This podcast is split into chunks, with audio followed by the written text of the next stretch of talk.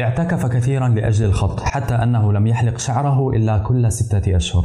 العماد الحسني.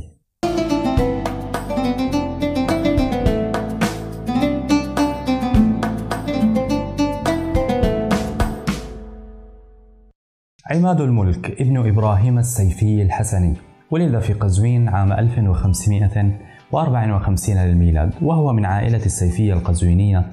التي عرفت بتوليها لخزائن كتب الصفويين وغيرها من المناصب الإدارية الرفيعة. ولقب بالحسني لأن نسبه يعود إلى الحسن بن علي بن أبي طالب سبط رسول الله صلى الله عليه وسلم. تتلمذ عند أساتذة كثيرين في علم الخط. منهم مثلا مالك الديلمي الخطاط البغدادي المعروف والملا محمد حسين التبريزي في تبريز وبابا شاه الأصفهاني وغيرهم. فبلغ ما يبلغ خير التلاميذ فنال الثناء والمديح من معلميه جميعهم وفي يوم من الأيام وهو في درسه عند أستاذه قدم إليه أستاذه قطعة وقال له إن كنت تستطيع أن تخط مثل هذه فاكتب وإلا فدع الخط.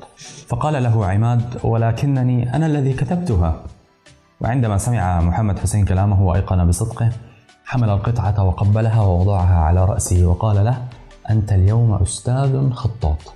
فكان هذا الكلام حافزا كبيرا لعماد على مواصلة التمرين والنجاح. ويذكر أن عمادا كان يتمرن على الخط ليل نهار ولعكوفه على الكتابة وانشغاله بها. لا يتسع وقته لحلق شعر رأسه سوى مرة كل ستة أشهر.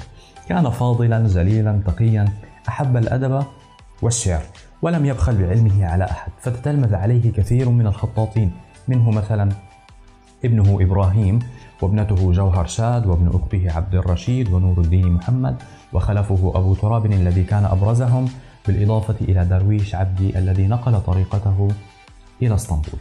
بلغ الغاية في خط النستعليق ليكون أكبر نابغة فيه وصارت الأقطار تدعيه لنفسها فإيران مثلا تدعي أنه منها لأنه سكن فيها.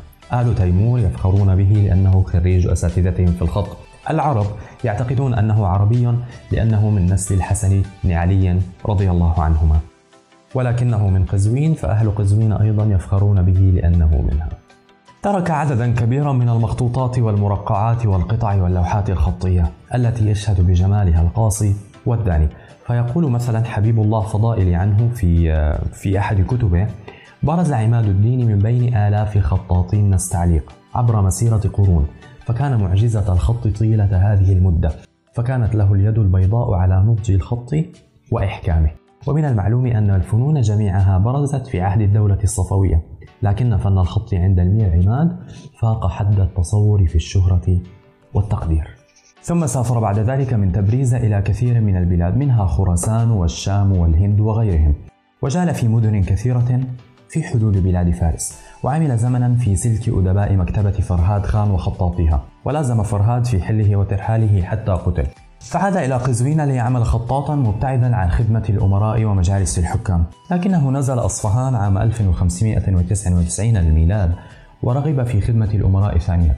فدخل بلاط الشاه عباس الكبير الصفوي وصار من ندمائه وجلسائه وبلغ مكانة كبيرة عنده وأصبح من خاصته وأعز أصدقائه. كان لعماد حساد استكثروا عليه منزلته التي تبوأها في الخط ومكانته التي حظي بها عند الشاه عباس. حتى اغتيل واختلفت الروايات في سبب اغتياله ويقال أن أهل السوء قد أفسدوا بينه وبين الشاه فكرهه وتذكر بعض الروايات أن الشاه قد أجبره على أن يتم كتابة ملحمة شاه نامة وهي ملحمة فارسية ولكنه لم يستطع ذلك من ضخامتها وطول أبياتها فهي قد تجاوزت الخمسين ألف بيتا.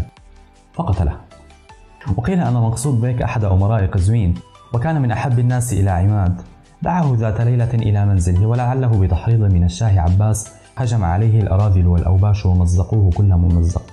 وفي اليوم التالي علم تلميذه أبو تراب الأصفهاني وسائر أقاربه بالأمر فجمعوا أشلاءه ودفنوه في مقابر اسمها مرغان. وبالقرب من باب يسمى باب طاوقجي بأصفهان وسرعان ما وصل خبر قتله إلى أطراف العالم فتألم القاصي والداني لذلك وقد قال الشاه جيهان بن جلال الدين أكبر شاه وهو ملك الهند المغولي في ذلك الوقت. قال في عزائه لو أنهم أعطوني المير عماد حيا لأعطيتهم وزنه ذهبا. واليوم يوجد قبره في مسجد مقصود بك بانتظار آرائكم وتعليقاتكم على هذا الفيديو لا تنسوا الإعجاب به ومشاركته مع كل من لديكم والاشتراك معي في القناة لنغوص معا. في بحر الخط الذي لا قاع له. ولمن أراد الاستماع إلى هذه القصة الملهمة بنسختها الصوتية تجدون روابطا لمنصات البودكاست في صندوق الوصف. أسفل هذا الفيديو. إلى اللقاء.